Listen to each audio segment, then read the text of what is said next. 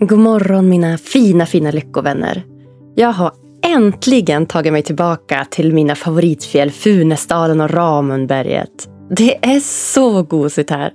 Jag lever verkligen livet.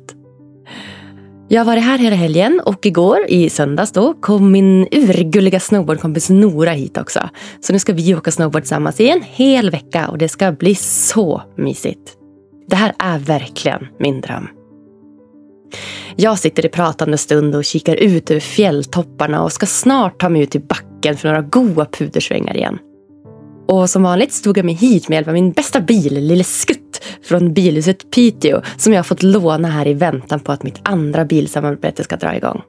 Bästa Therese Hotell Sverige AB som gör det möjligt. Och på tal om veckans avsnitt hörni, så är det ren och skär återhämtning för mig att vara här. Trots att jag rent eh, fysiskt generellt sett anstränger mig betydligt mer på dagen än när jag är hemma i Stockholm så är den mentala återhämtningen här helt oslagbar. Jag total älskar det.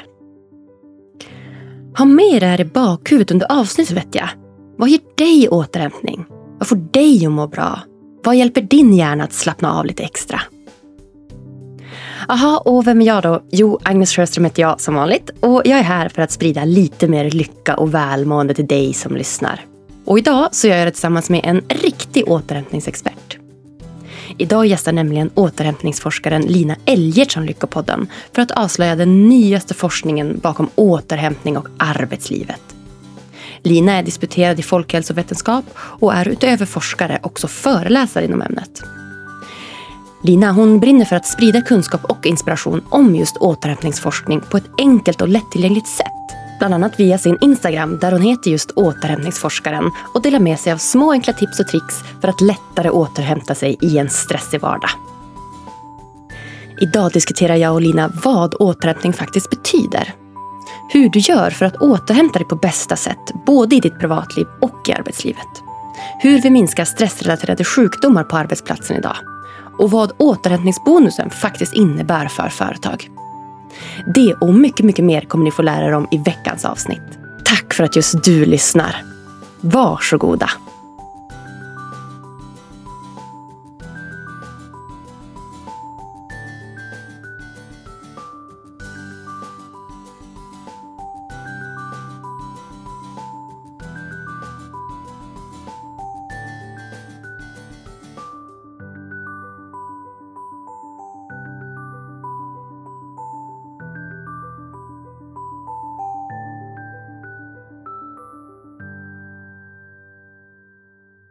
Då är det min tur att säga hej och hjärtligt välkommen till Lyckopodden återhämtningsforskaren Lina Eilertsson! Tack så mycket! Eilertsson, J före L. Jajamän, det är bra. Ja. Härligt att du fick till det. Ja, ja, ja jag är väldigt noga där Ebba. Återhämtningsforskaren Lina Eilertsson. Man vill, jag vill gärna säga Elgertsson. Ja, du, du är inte den första, det är helt okej. Okay. Gud vad bra, men egentligen ska det vara EJL. Så nu vet jag det, ja. toppen.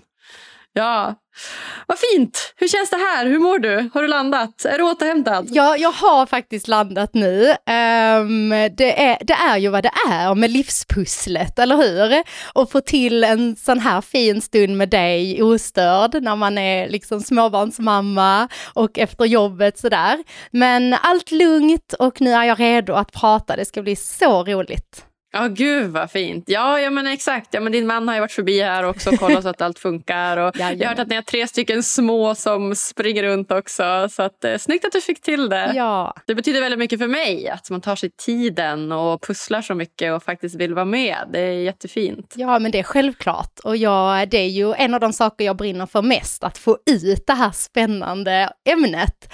Så att jag blev ju jätteglad att jag fick chansen att sitta här med dig och prata om detta. Ja, men så fint. Och jag ska vara helt ärlig och säga det, att hade det inte varit för lyssnarna, då tror jag inte att du hade varit här idag. Så att vi ska verkligen tacka dem. Tack lyssnarna. jag känner mig hedrad att de ville ha hit mig. Ja, ja men det var ju så kul för jag kommer ihåg att du, eh, ja, men du skrev till mig tror jag, så ah, jag skulle kunna gästa och då jag bara, men det här är perfekt, jag håller på att fråga lyssnarna nu vilka de, vill, vilka de vill höra på eller inte och så bara, vill du lyssna på en podd om återhämtning? Och alla bara ja, ja, ja, ja, ja, ja. Så jag bara oj, oj, oj, ja, men det är klart vi måste göra det. Det hade faktiskt inte ens eh, liksom, slagit mig. Jag vet inte om jag trodde att det var så här, men det är väl självklart typ att man ska återhämta sig. Men det är det ju inte alls. Nej. Vi är ju skitdåliga på att återhämta oss. Vi är ju det. ja. Så att, eh, tack för att du är här. Kul att vara här. Ja, återhämtningsforskare. Att man kan forska på, på återhämtning. Det hade jag inte ens någon, någon aning om. Nej, men det kan man. Och tur är väl ja. det, så att vi får massa, massa viktig kunskap som vi sen kan ta tillvara på i privatlivet, i arbetslivet som jag då främst forskar, forskar inom. Så det är eh, jätteviktigt att forskningen fortsätter gå framåt, så vi fortsätter lära oss hur vi ska tänka och hur vi ska göra för att främja återhämtning på bästa sätt. Ja men verkligen. Ja för visst är det så att liksom stressrelaterad sjukdom det är väl den vanligaste orsaken till att man blir sjukskriven idag på arbetsplatsen? Ja det är en av de absolut vanligaste. Och eh, mm. just stressrelaterad ohälsa det kommer ju mycket av just bristen på återhämtning. När det har gått för långt, man har utsatts för olika former av stress, belastningar, krav under för lång tid utan att ta sig tiden för återhämtning. Så att eh, återhämtning är ju det, jag skulle vilja säga att det är bland det absolut viktigaste för vårt välbefinnande. Ja, verkligen. Ja, men ska vi börja där? Det är det viktigaste för vårt välbefinnande. Ja, för det var min, min första fråga. Så här, men hur hänger egentligen lycka och återhämtning ihop, tycker du? Ja, jag, jag, tycker verkligen att det hänger ihop på så många sätt och det är inte bara min personliga åsikt utan även forskningen visar detta. Att liksom det ligger så tätt samman den här kopplingen mellan återhämtning, välbefinnande, lycka hur mår vi? Eh, hur väl återhämtar jag mig? Eh, om vi pratar då jobbet till exempel, eller även på fritiden. Och det påverkar hur vi mår, hur vi kan prestera, hur glada vi är, hur lyckliga vi känner oss. Så att det är, ligger väldigt, väldigt tätt samman och det som påverkar vår återhämtning, det påverkar ofta vårt välbefinnande, vår lycka. Alltså liksom, det är som att det går lite parallellt så genom livet. Mm. Verkligen. Om vi går in liksom på återhämtning, det är ett ganska brett begrepp. Mm. Liksom, återhämtning. Vad, vad, vad betyder liksom, återhämtningsbegreppet? Vad ryms i Precis. det för dig? Ja, det är så komplext. Hur lång tid har vi? eh, nej, men eh, det är ett komplext begrepp, det är det och det är väldigt brett. Men om vi, om vi säger liksom i stora drag så är återhämtning liksom själva processen där vi ska återställa oss. Vi utsätts för olika belastningar. belastningar det, det är synd vi inte har ett bättre ord för det, för det känns negativt, det har negativ klang. Mm. Men om du tänker dig allt du gör, gör att du använder olika resurser i dig. Det kan vara kognitiva, emotionella, sociala, fysiska. Du använder resurser, då behöver du återställa dem. Du behöver ladda batterierna igen. Och det är det återhämtning är. Så egentligen är det den här liksom balansen mellan återhämtning och belastning som vi behöver vara uppmärksamma på. Um, så det är liksom vad återhämtning är och sen är det ju en annan fråga, så här, vad påverkar då vår återhämtning? Och där har vi mycket vi kan prata om. Ska vi kasta oss in i det nu? kör, kör, kör! Nej men det är, det är otroligt många saker som, som påverkar oss. Eh, och där är det ju väldigt, väldigt individuellt. Och det är ju så spännande. Så här, själva återhämtningsdelen, att vi behöver återhämtning de facto, eh, det är ju allmängiltigt. Det behöver vi alla. Men sen vad som faktiskt ger oss den återhämtning vi behöver, där behöver vi gå till våra egna behov. Men vi kan ju se lite liksom saker som ofta påverkar oss. Så om vi börjar då på jobbet till exempel, så finns det vissa nyckelfaktorer som vi behöver tänka på för att främja vår återhämtning. Eh, en av de sakerna är sociala relationer som vi ju vet påverkar välbefinnandet och lyckan. Eh, så redan där har vi det här, ah, sociala relationer, det verkar liksom vara i topp för att vi ska må bra på olika sätt. Så även återhämta oss. Så har vi liksom goda och trygga relationer i vårt liv på vår arbetsplats. Eh, vi är på en arbetsplats där vi känner oss trygga att vara oss själva. Eh, man känner att man får stöd, eh, positiv återkoppling, alla de här bitarna. Vi kan skratta tillsammans, prata om något annat än jobbet, faktiskt vara vänner och inte bara kollegor. Det vet vi är bland det som påverkar vår återhämtning, liksom bland det allra viktigaste. Mm. Och förutom det har vi också något jättespännande som handlar om variation i arbetet. Att vi har möjlighet att variera arbetsuppgifter, plats, tempo. Det vet vi påverkar vår återhämtning. Och då är vi tillbaka i det här jag var lite inne på i början, det här med vilka resurser har jag använt? Um, för om vi tänker på återhämtning kanske det är lätt är att tankarna går till den här rasten man har, om man, om man jobbar ett klassiskt arbete där man är på plats. Okej, jag tar mig en rast och det är då jag återhämtar mig och endast då. Men börjar vi tänka mer på hur vi faktiskt varierar arbetet, då kan vi faktiskt återhämta oss medan vi jobbar. Har du gjort något emotionellt krävande eller kognitivt krävande så hjärna och hjärta behöver vila. Ja, men varva det med något mer monotont eller något mer rutinmässigt som du inte behöver tänka eller känna så mycket. Och då kan du faktiskt återhämta dig medan du jobbar. Så den här variationen är ju faktiskt väldigt spännande inom alla typer av arbetskontexter. Eh, det kallas arbetsrotation ibland, det vill säga att vi använder olika resurser. Eh, så man kan ju direkt börja liksom fundera över, ah, hur har jag det i mitt liv eller i mitt arbete? För allt detta kan vi ju även applicera på vår fritid. Så om du har varit på släktkalas, du kommer hem socialt slut, ja men då kanske du behöver gå på en ensam promenad i skogen. eh, liksom, du behöver pausa från ljud och rörelse och så här. Så att det gäller ju liksom, den här versionen är så viktig. Så det är liksom två av de delarna, men vi kan såklart, det finns ju mycket saker som påverkar återhämtningen, även mycket sånt här med att känna delaktighet och kontroll och, och känna att man kan man gör det man är utbildad för att göra, att känna att man utvecklas på arbetet. Många sådana bitar också mer konkret kopplat till arbetssituationen som påverkar återhämtning. Så det var liksom några bitar. Eh, men som ja. du hör är det ju liksom väldigt, väldigt brett, precis som du sa. Och väldigt, väldigt ja. individuellt. Oh, wow, så bra grejer. Det var ju jättebra att liksom pinpointa de sakerna ur ett forskningsperspektiv. För Det går ju att relatera till nu när du väl säger det. För när någon säger återhämtning till mig, då tänker jag att jag måste återhämta mig. Då är det nästan att jag tänker att jag måste typ lägga mig i sängen och vila. Alltså att man kopplar det till det. Men men då, är det så, det är, ja, alltså då skulle jag säga att om jag går till mig själv så tycker jag mer typ så här, träningspass också kan vara återhämtning. Fast det är liksom fysiskt ansträngande så blir det typ mentalt avkopplande ja, på något sätt. Precis, för du kan kanske släppa tankarna på jobbet rent mentalt. Mm. Och du kanske har suttit, ja, men du kan ha suttit vid datorn länge eller så och då är det det fysiska du behöver. Och direkt där har vi variationen. Och ja, jag valde faktiskt att inte nämna vila och sömn sådär direkt när du frågade ja. mig vad återhämtning är, för att jag tror att det är där många av oss går direkt. Och vi ska inte underskatta sömnen. Den är liksom på, om vi tänker återhämtning på fritiden så är ju sömn nummer ett, liksom överst på listan kring vad vi behöver för återhämtning. Det är jätteviktigt. Eh, det är också viktigt det här att inte tänka på jobbet när man är ledig, det här att kunna koppla bort jobbet. Men jag vill ändå verkligen trycka på att återhämtning är så mycket mer än det här passiva, det vilande, eh, pauserna, rasterna, sömnen. Eh, utan det kan även vara återhämtning att vara aktiv och göra saker du, eh, som ger dig glädje, som ger dig lycka som du mår bra av. Och, och, det kan ju vara liksom, om vi tänker fritiden, ja men träning får jättemånga, motion, fysisk rörelse, men det kan också vara kultur, eller socialt umgänge, eller något helt annat. Mm. Mm. Verkligen! Ja, men så himla bra. Det, det har helt rätt i. Alltså, istället för att gå alltid till det här vila, passiva, ligga inne. Ja, men så kan det lika gärna vara att göra någonting kul. Gå på ett museum eller spela fotboll eller vad man nu tycker är roligt. Så det är ju skitbra. Precis. Något som ger dig energi helt enkelt. Ja, exakt. Mm. Något som ger dig energi.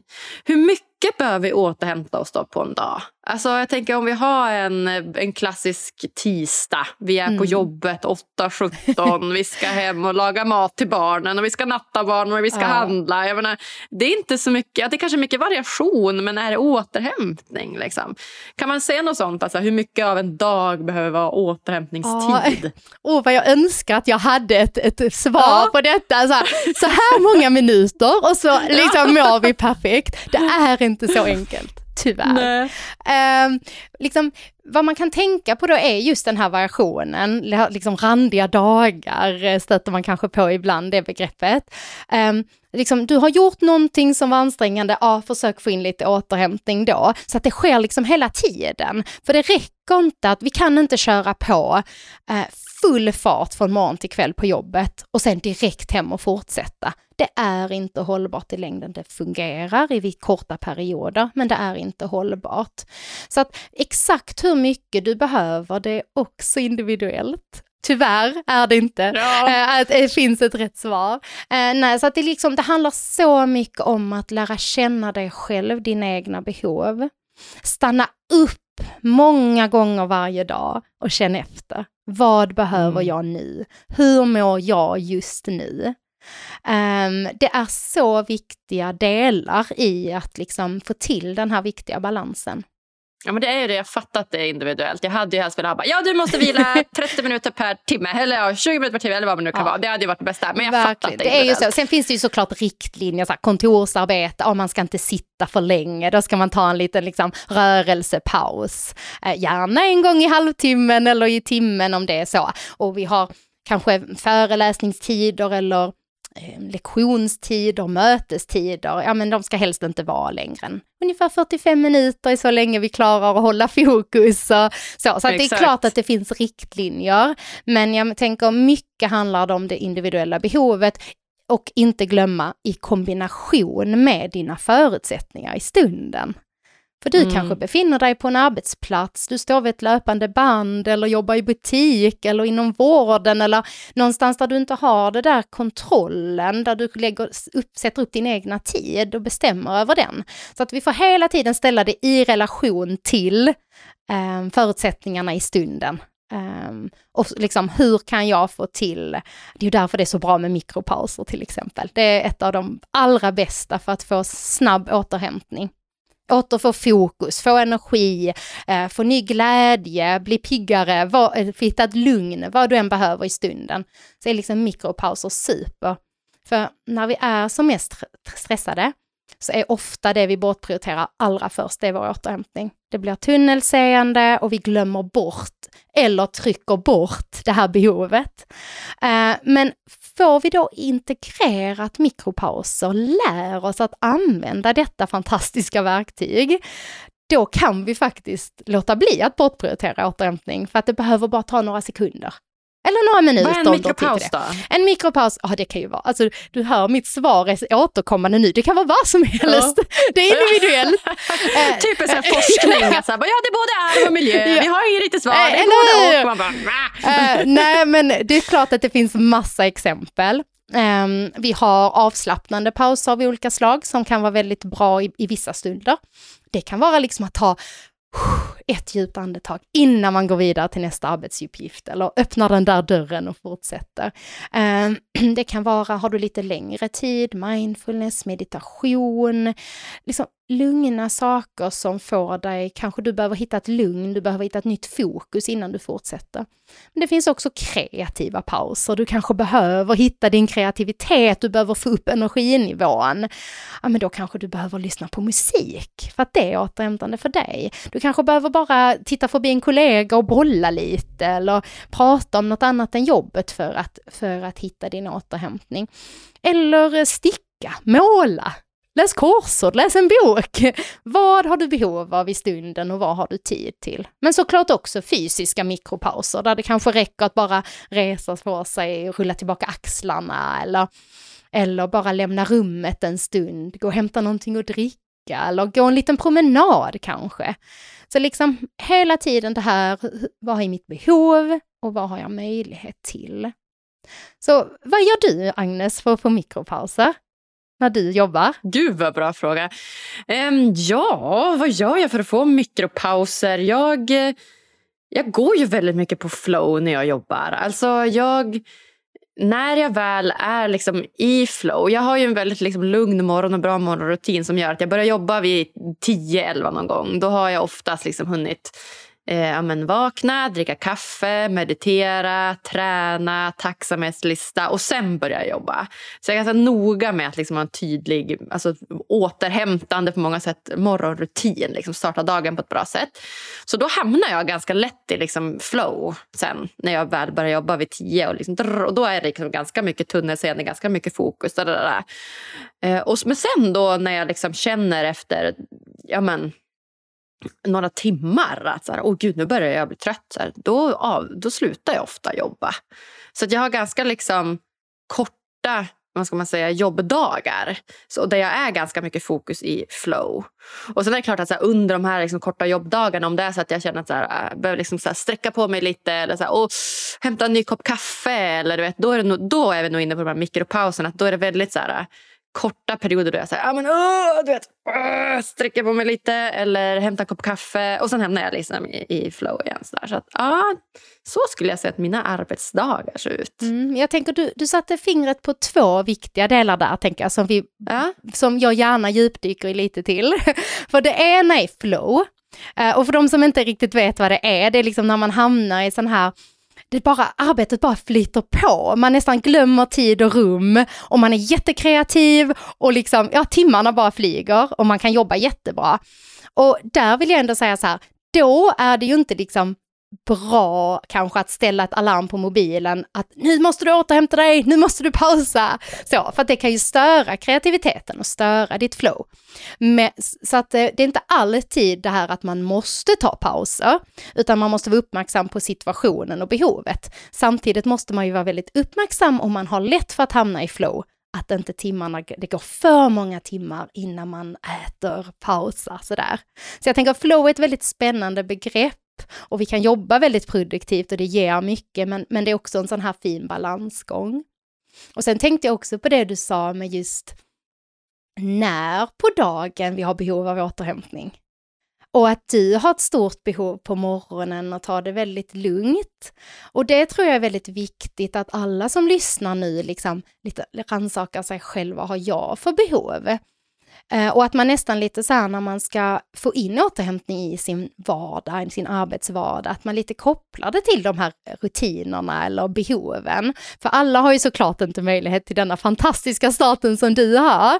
Men att man då kanske tänker okej, okay, varje dag när jag kommer till jobbet, då kommer jag in med andan i halsen. Jag har lämnat på förskola eller sprungit till bussen eller liksom försover mig alltid. Och då kanske det är just på morgonen jag behöver en stunds återhämtning. Jag kanske behöver sätta mig och djupandas innan jag öppnar datorn eller innan jag påbörjar mina arbetsuppgifter, vad den är för arbetsplats. Jag kanske behöver lägga fem minuter när jag kommer till jobbet för att ställa om och hitta fokus. Eller är du en person som behöver de här mikropauserna insprängda under dagen för att må bra?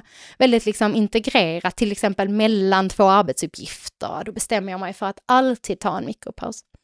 Eller så är det det här, jag har flow, att dagarna flyter på. Ja, men då kanske det är där i slutet av dagen som är väldigt viktig, den här övergången för att få till den här balansen mellan arbete och privatliv, då kanske jag behöver avsluta min arbetsdag med en stunds återhämtning för att hitta ett lugn, ladda om innan jag tar mig an allt vad livet utanför jobbet har att erbjuda.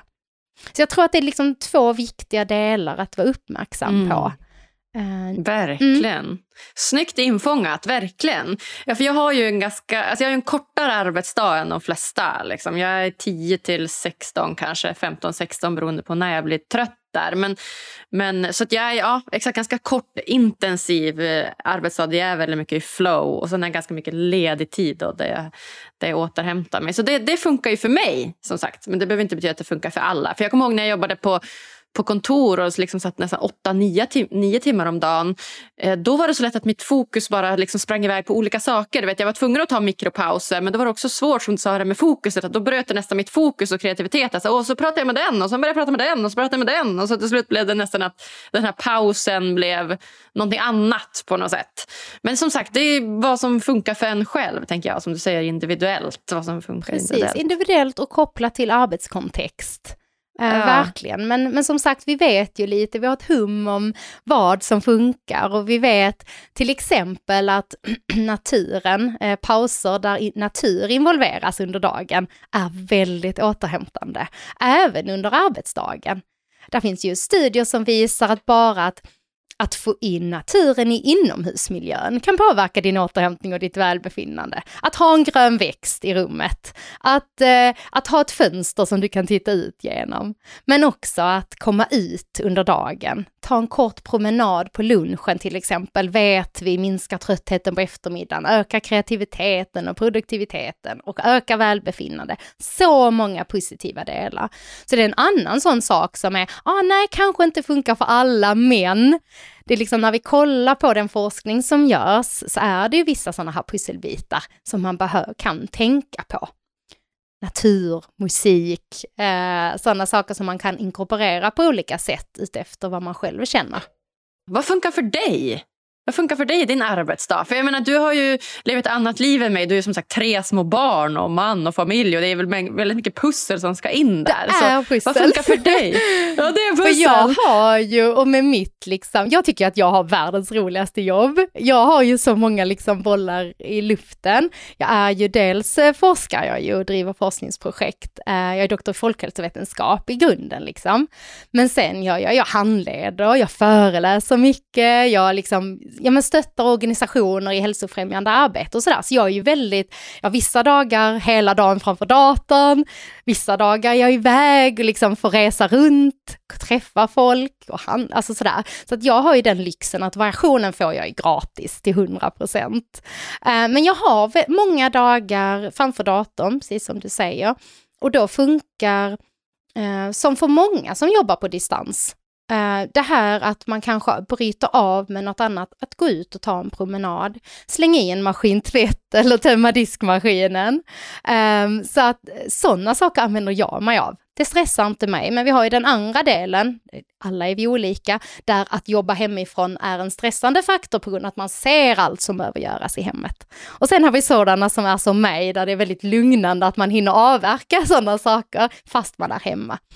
Och, eh, och med det här jobbet kommer ju lyxen att kunna hämta tidigt på förskola och sådär och, och få den här liksom kunna även återhämta mig tillsammans med barnen och det tycker jag inte vi ska underskatta alls för alla er som lyssnar som är småbarnsföräldrar, att det är lätt att man glömmer bort att det faktiskt är möjligt i den här liksom, hamsterhjulet, vardagsstressen. Att, att, det kan vi ju se i forskning också, att sånt som är återhämtande för oss vuxna, det är ofta också återhämtande för barn. Till exempel meditation, yoga, att vara ute i naturen, eh, bara för att ha några exempel. Så när du känner i vardagsstressen att du behöver återhämtning, engagera barnen. Sätt er ner på golvet och prova att andas tillsammans. Och sätta ord på hur det känns. Och sådana saker försöker jag eh, göra. Eh, för mig är ju naturen eh, väldigt, väldigt viktig. Och att då bara liksom hämta på förskolan och ha lite picknick packat och sticka direkt ner till stranden och äta den och leka lite. Att sådana liksom guldkorn i vardagen eh, kan verkligen, på tal om lycka, eh, ge extra lycka och extra återhämtning såklart. Så att det, det är ett pusslande, men jag använder mycket mikropauser som sagt och försöka liksom få jobbet och privatlivet att fläta samman på något sätt. Mm. Mm. Mm. Fint! Eh, jättebra tips, verkligen. Jag tror att det verkligen kommer, kommer kunna hjälpa många som lyssnar att liksom få den här inspirationen. Jag håller helt med. För, och nu har vi pratat ganska mycket om så här individfaktorer, vad man kan göra för individen liksom för att främja sin, sin återhämtning. Men om jag ser liksom från ett samhällsperspektiv som vi var inne och pratade om här så är ju stressrelaterad ohälsa väldigt, väldigt utbredd på arbetsplatser idag. Och arbetsmarknaden liksom, ser ut som så att vi jobbar åtta timmar om dagen, vi har en timmes lunch och vi gör det här fem dagar i veckan. Men eh, jag skulle vilja liksom ifrågasätta den grejen att så här, när vi ser att det är så himla liksom vanligt med utmattningssyndrom och stress. Är det rimligt att arbetsmarknaden ska se ut så? Ska vi jobba åtta timmar om dagen, fem dagar i veckan? När våra största liksom, folkhälsosjukdomar är stress och utmattning och utbrändhet. Ja, det är en, det är en väldigt bra fråga, fråga du har.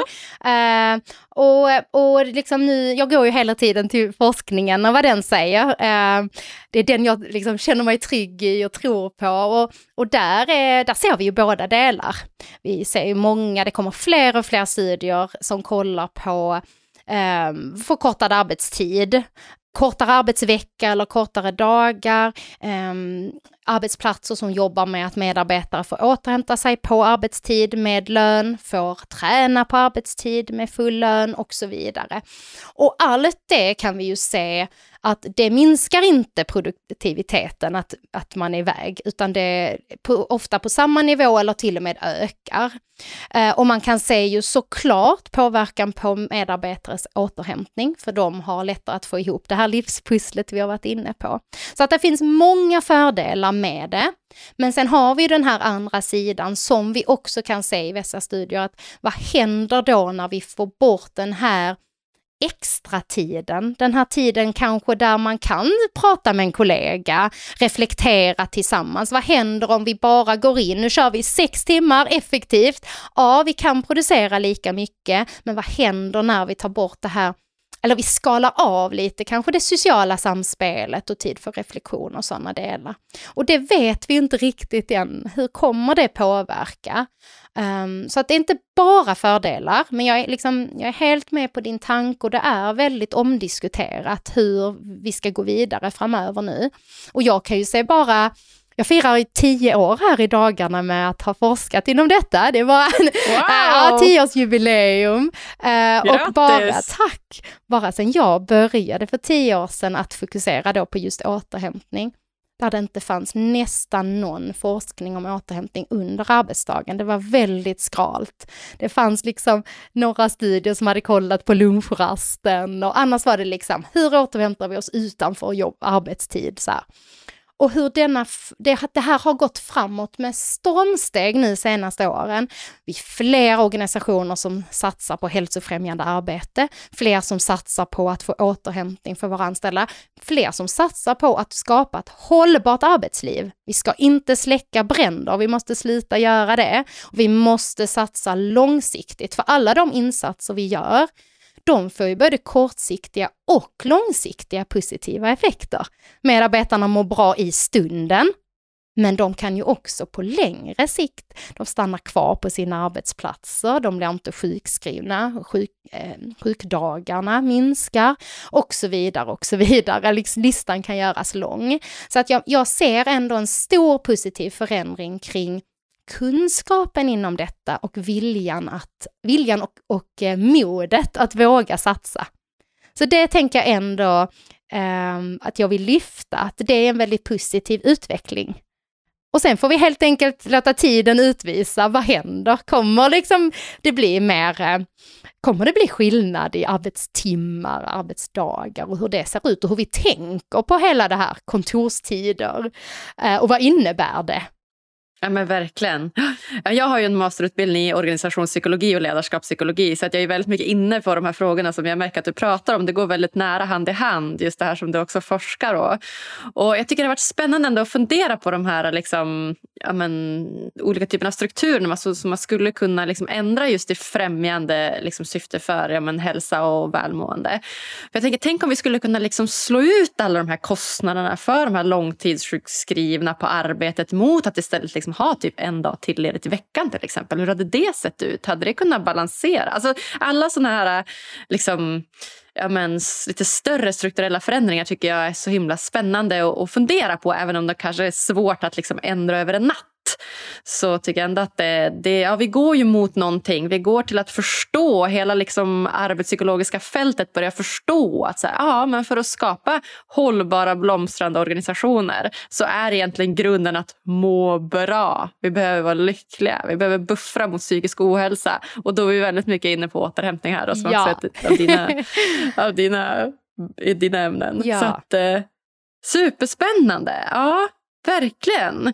Hur, hur gör vi då för att liksom faktiskt konkret liksom implementera mer återhämtning i arbetslivet till exempel? För Det är lätt att säga så här, ja men ta en mikropaus. Men så här, hur gör vi för att strukturellt få ner det här på en liksom individnivå så att det händer? Ja precis, jätteviktig fråga och jag har ju eh, gjort flera studier inom, inom precis detta där vi har försökt kartlägga just vad får det att fungera? Eh, för ofta ser vi liksom där, ja men det implementeras en modell eller man tar in en inspirationsföreläsare, nu vill vi satsa och så, och så rinner det ut i sanden efter ett tag för att det blir inte hållbart och det blir inte integrerat. Ehm, så det här har jag kollat faktiskt rätt så mycket på. Och det finns ju en del saker som eh, kan hjälpa. Ehm, vi vet till exempel att det är väldigt viktigt att det är grundat eh, i hos ledningen att man har en chef som faktiskt tror på det här och nästan liksom så här eh, okar det. Nu kör vi, ni har vår tillåtelse, det är okej okay att återhämta sig. Eh, så även om så sitter där någon ute nu och lyssnar och känner, ah, jag har inte chefen med mig på detta.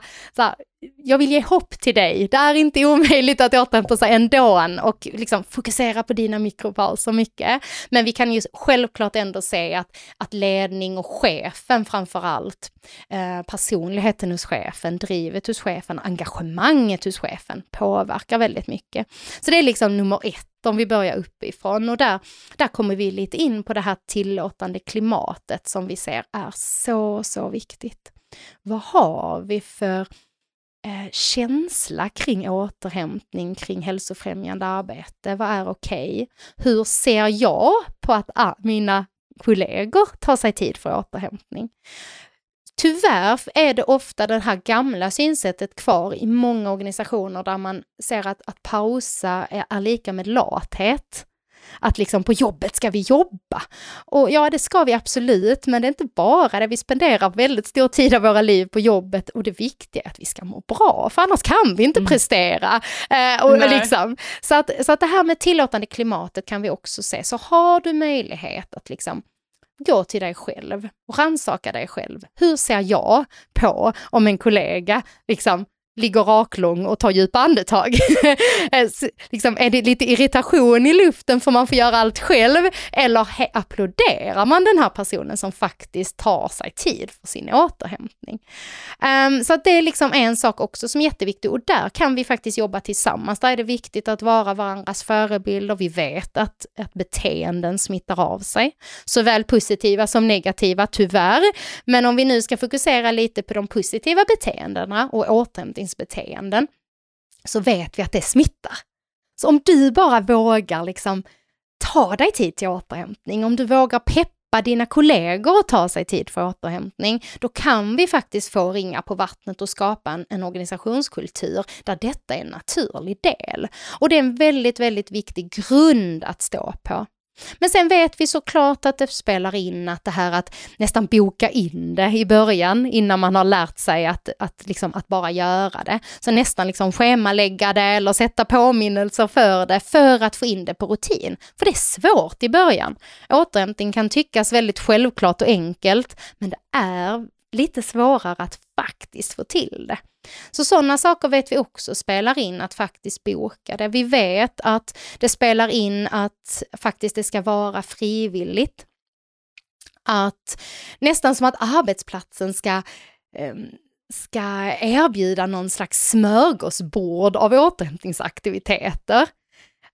Um, så att det, jag, jag, tror inte på, jag vill verkligen förespråka liksom det frivilliga i detta, att inte bestämma att nu ska vi alla göra så här och så blir alla lyckliga och mår bra, utan istället um, erbjuda tid för återhämtning, tid för hälsa på jobbet och erbjuda aktiviteter och sen kan man vara med om man vill. Vi ser ju att göra saker tillsammans verkligen främjar återhämtningen. Men med det sagt, det är inte för alla. att stå i ring och andas eller dansa tillsammans eller vad man nu gör. Ehm, så att tiden är också eh, viktig. Så som du hör så är det liksom många faktorer som spelar in. Men börjar man med de bitarna så kan vi komma långt i att faktiskt få det integrerat. Mm. Alltså så bra, så bra saker här. Alltså jag håller helt med dig. Det börjar liksom med, med chefen. Alltså jag tycker chefen att det här är okej. Okay. Är det integrerat i ledningen? Och som säger kulturen, superstor viktigt. Är det okej? Okay? Alltså upplevs det okej okay att göra det här på arbetet? För att där kan jag ju bara dra en parallell till min senaste anställning som egentligen hade en väldigt trevlig liksom, personalkultur och de värnade mycket om sin personal och tyckte det var viktigt att trivas och åkte på mycket resor resor och liksom friskvårdstimmar och friskvårdsbidrag och allt vad det hette. Och där jobbade jag ju deltid. Så att jag jobbade ju inte heltid. Och deltid gjorde att jag alltid då... Jag jobbade, alltså la upp tiden så att jag jobbade tre dagar i veckan och slutade alltid klockan 16 istället för 17. För att jag jobbade inte heltid, jag jobbade deltid. Och trots det så var det så jobbigt att gå från min kontor där 16.00 istället för 17.00. För de andra gick ju inte hem då. Mm. Och inte för att så här, inte för att egentligen jag fick någon ond blick eller att det inte var okej. Okay. Det kändes inte okej. Okay. Mm. Alltså det var någonting i det där som... Jag tror mycket att det var kanske lite från ledningen, lite från kulturen. Det som sitter i väggarna som är svårt att ta på. Att så här, det, det kändes inte okej. Okay. För att det var en väldigt hög prestationskultur där också. Att man liksom skulle prestera. Och att man först ska prestera. Sen om du har tid, då kommer kanske återhämtningen sen. Mm. Om du har tur, om du hinner. Ja. Liksom. Och det där skulle jag du vet, vilja vända på. Som du säger, att fokusera på erbjud tid för återhämtning. Tvinga inte alla att så här, varenda dag efter lunch ska vi köra en cirkel där vi hoppar i takt. Utan ge verkligen alla individer tid för det och att det ska vara okej okay, att det ska ligga en, liksom, en timme på schemat som heter återhämtning oavsett när det är. Och den bokar vi inte in med någonting annat. Utan den är lika viktig som det här mötet eller vad det kan tänkas vara. Så att, och eh, prata snyggt. om det tänker jag. Det har jag ju sett i forskningen också är en så viktig del att skapa medvetenhet kring de här frågorna. Mm. Så det är inte liksom, vi hjälper ju till att skapa en god kultur genom att bara prata om återhämtning. Eh, prata om de här sakerna, vad, vad påverkar, hur, hur kan vi skapa en hälsofrämjande arbetsplats? Och att vi faktiskt pratar om det i arbetsgruppen. Eh, så liksom avsätt tid på APT eller på morgonmöten eller vid reflektionsstunder när ni nu har möjlighet och när ni möts på olika sätt. Så prata om det här. För det är väldigt viktigt att vilja känna varandra och varandras behov också. Att vi har en, som vi ser till exempel det här psykologisk trygghet, att en arbetsplats men är väldigt eh, öppen och transparent och där alla kan vara sig själva och man är inte rädd för att säga eller göra fel. Det vet vi är en av de absolut viktigaste sakerna för att team ska fungera och man ska kunna ja, eh, jobba effektivt och må bra. Och vi kan även se att psykologisk trygghet faktiskt påverkar återhämtning. Och det är kopplat just till det här. Är jag trygg nog att vara mig själv och dela med mig av mitt behov av återhämtning? Så jag tänker testa det nästa gång alla ni som lyssnar kommer till jobbet. Har ni en kollega ni känner er extra trygg med eller någon, så liksom våga fråga. Hur återhämtar du dig? Och våga berätta, så här återhämtar jag mig. För det är först då vi faktiskt kan hjälpa varandra att nå dit. Och det är ju det vi är ute efter. Så jag tror att det är en annan så viktig del i det här, att vi börjar prata om de här frågorna. Ja, så viktigt. Så himla, himla, himla bra sagt. Du har varit inne på det lite grann med dina... Jag tänker jag ska fråga dig vilka som är dina bästa återhämtningstips. Du har varit inne på lite olika saker. Det är mikropauser och det är meditation och det är väldigt individuellt och ja, det kanske lite yoga, meditation. Har du någon sån till tips som du känner så här, det här måste jag få dela med ja, mig av innan? Ja, men det kan ju som sagt vara så mycket mycket. Så jag tror att, att de som lyssnar får liksom verkligen känna så här, vilket område av återhämtning nästan, vilken resurs, var är jag trött någonstans? Hjärna, hjärta, kropp och vad kan jag göra då? Uh, men jag tänker, vi har inte pratat jättemycket om så här gemensamma saker.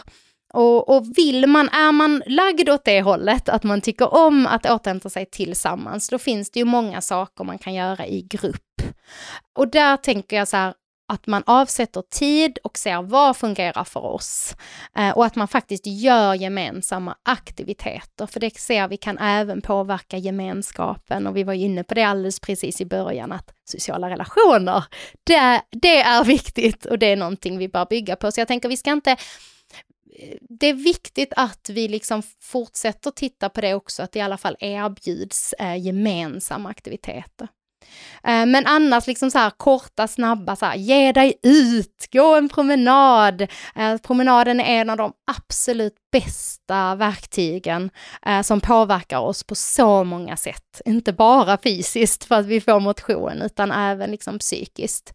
Så frisk luft, om det är en sak du ska prioritera idag, så ge dig ut. Mm, och så enkelt. Alltså det är ju bara på med skorna och jackan och bara ner och ut. Ja. Att, eh... Och har du inte tid med det i din arbetssituation, för det vet jag många som inte har, gå till närmsta fönster, ställ dig, titta ut, andas. Se hur vinden blåser i träden, titta på när fåglarna flyger. För även det vet vi faktiskt kan påverka oss. Så vi ska liksom inte underskatta även de små delarna. Jag, jag pratade med en, jag var på en arbetsplats där de arbetade i mörka rum, eh, de hade inte fönster, men de hängde istället upp eh, tavlor, konst, som var naturbilder. Och även hur en sån liten sak faktiskt kan påverka såväl återhämtning som välbefinnande. Om de, nu hade inte de möjlighet att ge sig ut mer än när de hade en faktisk rast. Men då hur vi faktiskt kan, vi kan liksom, det finns många små medel vi kan ta till på vår arbetsplats för att faktiskt skapa de här möjligheterna. Ja, så bra. Du pratar också om något som heter återhämtningsbonusen. Ja, det stämmer. Återhämtningsbonus är någonting som eh, regioner och kommuner kan söka varje år som jobbar inom hälsa, eh, vård, eh, omsorg, socialomsorg, där man helt enkelt kan få bidrag för att satsa lite extra på återhämtning. Och det är ju ett fantastiskt initiativ, tycker jag, som har varit ute och jobbat mycket med de här organisationerna eller regionerna som faktiskt har fått bidraget. Så mm. jag hoppas att det kan inspirera fler att faktiskt jobba med det här. För er som inte har hunnit få bidraget i år så hoppas vi på att chansen kommer nästa år igen. Och det är så tydligt detta att vi satsar mer och mer på återhämtning. Um, för att detta är ett statsbidrag. Och då ser man ju verkligen hur viktigt det är att satsa på hållbarhet. Ja, men exakt. Och jag tycker att det var så himla fint när jag ja, men såg de inläggen på din Instagram. Att så här, shit, det finns faktiskt någonting som, alltså, som ja, på en statlig nivå eller från högre makter ändå satsar på någon slags återhämtningsbonus. Det tycker ja. jag var, var fantastiskt att det initiativet finns och Verkligen. kommer till. Och... och jag har fått så många meddelande till mig liksom om fler arbetskontexter som har önskat det. Så här, varför finns det inte inom skola och varför finns det inte här och här? Och jag hoppas verkligen så här, att framtiden är ljus och att detta ska liksom kunna erbjudas i alla typer av verksamheter. För det är så, så, så viktigt. Ja, mm. ja men det hoppas jag med. Och jag försöker själv liksom vända på det. Jag försöker att istället för att så jobba först och återhämta mig sen. Så försöker jag hela tiden jobba med att säga börja med att återhämta mig, börja med att få en bra start på dagen. Jag börjar med att se till att jag mår bra och sen kan jag prestera. Det har verkligen funkat för mig. Sen är det klart att jag också har liksom dagar då jag har skitmycket att göra och liksom behöver hoppa över det. Men, men den ekvationen skulle jag ändå vilja lyfta. Att så här, det går faktiskt att börja med att må bra och sen prestera och jobba jobba. Och inte bara liksom prestera, jobba, jobba, jobba och sen återhämta sig när man har tid. Utan att man faktiskt prioriterar det högre. Det Åh, vad viktigt detta du satte fingret på nu. Alltså, det är så, så viktigt. Och det är verkligen tillbaka till det här att vi, inte, vi måste sluta släcka bränder. Så, så här, mm. återhämtning ska vara liksom en naturlig del. Vi gör någonting som liksom kräver någonting av oss. Det, behöver ju, det kan ju vara något kul också. Träffa kompisar, ja men då behöver jag kanske liksom vara själv en stund. Men det kan också vara något som är väldigt stressande, återhämtning. Vi, ska inte, vi kan inte vänta tills vi kommer hem, vi måste återhämta oss på jobbet. Vi kan inte vänta tills vi mår dåligt att återhämta oss. Så att jätteviktigt och jag hoppas att det kan inspirera fler, även om liksom verkligheten inte ser ut exakt så för alla, så hur kan du liksom applicera det på din vardag? Mm. Kan du göra någonting precis när du slår upp ögonen? Kan du liksom redan där starta dagen med en speciell inställning? Att tänka på någonting som får dig att må bra, får dig att hitta ett lugn innan du tar dig an dagen. Så, att, eh, så viktigt. Ja, så viktigt. Ja, så himla fint Lina. Jag tänker att vi ska hoppa in här på de sista frågorna innan vi lämnar varandra du och jag. Mm. Och den första frågan är ju då, vad gör dig riktigt lycklig? Ja, och den, så fin fråga. Och jag, jag visste ju att du skulle ställa denna, så jag fick ju möjlighet att ransa, liksom verkligen så här, sätta mig ner och fundera. Och det var väldigt fint, så tack för det. Ja, eh, tack själv. För att jag verkligen kände så här, okej, okay, jag försökte sätta fingret på när känner jag mig riktigt lycklig. Och jag kunde direkt liksom hitta en situation mer privat och en mer arbetsrelaterad. Och jag, jag, jag såg ju såklart, jag tänker alla som har föräldrar där ute, att det privata tog mig direkt till mina barn. Men även att jag försökte tänka på vilken situation med mina barn och insåg att det är när jag har möjlighet att vara liksom totalt närvarande i stunden och kan liksom antingen vara närvarande och vara aktiv i leken eller bara finnas där och se dem leka tillsammans. Och jag kände att det är något som verkligen gör mig så lycklig man kan bli. Wow, uh, och sen, sen så började jag tänka då på jobbet, för att det är ju också något som gör mig väldigt, väldigt lycklig, att jag får göra det här jag brinner för. Och då jag har ju jag turen att jag jobbar med något som faktiskt kan göra skillnad, även om den här lilla, lilla, lilla biten jag gör med återhämtning och forska om hälsofrämjande arbetsplatser och försöker sprida detta, det är bara en liten, liten pusselbit i det hälsofrämjande pusslet. Men jag känner ändå när jag har varit ute och föreläst för en organisation och ser hur jag sår ett, lyckas så ett frö kring detta. Eller jag har varit ute och jobbat med organisationer där det faktiskt gör skillnad. Eller som jag gör med mitt Instagramkonto, det startade jag ju just för att jag ville göra forskning lättillgängligt och roligt och för alla. Och när jag då får meddelande från någon, där någon beskriver att detta har verkligen gjort skillnad för mig. Liksom den lilla listan jag skrev eller den lilla studien jag lyfte. Och sådana stunder där jag känner att ja, det kan faktiskt göra nytta skratta och ge glädje och göra skillnad. Där känner jag en lycka. Mm. Mm, wow, vad fint. Tack! Två jättekonkreta bra tips. Det märktes att du hade funderat på det här tidigare. Det var ju toppen. Vilket är ditt bästa lyckotips? Ja, eh, någonting som vi inte har faktiskt kommit att prata om nu, som jag gärna vill skicka med lyssnarna, och det är, ehm, och nu håller jag mig till jobbet eftersom det är där jag befinner mig, men detta kan man såklart göra på fritiden också. Det är positiv reflektion, eller tacksamhetsreflektion som det också kallas. För vi vet att tacksamhet är bland det absolut viktigaste för att känna lycka. Um, och då brukar jag alltid tipsa dem jag träffar om att avsluta varje arbetsdag eller arbetspass med en stunds positiv reflektion. Även om arbetsdagen känns, har känts jättejobbig och man känner sig tyngd av något. Om du avslutar dagen med att tänka på någon positiv händelse på jobbet så kan det påverka din återhämtning i stunden, men också hur väl du återhämtar dig på fritiden. Men vi ser också hur det påverkar ditt välbefinnande. Så kan du liksom sätta fingret på någonting du har gjort som du känner dig stolt över, en avslutad arbetsuppgift eller ett samtal du haft med en kollega som var betydelsefullt eller någon du har träffat i din yrkesroll, ett möte som kändes meningsfullt. Om du lyckas sätta fingret på det här så kan det ge väldigt, väldigt mycket. Och detta kan du såklart applicera på din fritid också. Jag hörde när du berättade Agnes att du nämnde tacksamhetslista eller hur du uttryckte det på morgonen. Och, och jag tänker att det här är ju precis lika viktigt på fritiden eller om man slår ihop det. Men just kopplat till arbetet och behålla den här fina balansen mellan arbete och privatliv, kunna lämna jobbet på jobbet som vi ju vet är så viktigt. Då, då liksom uppmanar jag alla som lyssnar till att testa detta. Tacksamhetsreflektion. Mm. Mm. Så fint! Jättefint. Ja, är det något så slutligen som du känner att du vill dela med dig av till lyssnarna som du inte har fått säga än? Åh, oh, det är så mycket som finns i oh. detta ämne. Oh, Nej, men liksom, um, jag kan återigen liksom få trycka på det här med att lyssna på ditt behov. Uh, för det är det som är det viktiga. Uh, och liksom för att ha en liknelse så har vi kanske alla någon gång i livet flygit flygplan och man blir ombedd att sätta syrgasmasken på sig själv innan man hjälper andra. Och, och den liknelsen passar även här. Du behöver ta hand om dig själv, din återhämtning, ditt välmående innan du sen kan hjälpa andra, som vi ju vet är jätteviktigt på jobbet. Att ge stöd till sina wow. kollegor och allt det här. Men jag tänker, lyssna till dig själv och dina behov. Ja, Jättefint. Alltså så bra Lina. Jag är så glad att du är här och jag är så glad att lyssnarna ändå var de som faktiskt såg till att du hamnade här. så att eh, jag säger bara tusen tusen tack Lina för att du kom och gästade mig här på Lyckopodden. Tack snälla Agnes. oh, wow hörni. Akademiker alltså. De förklarar verkligen saker på ett så enkelt och självklart sätt.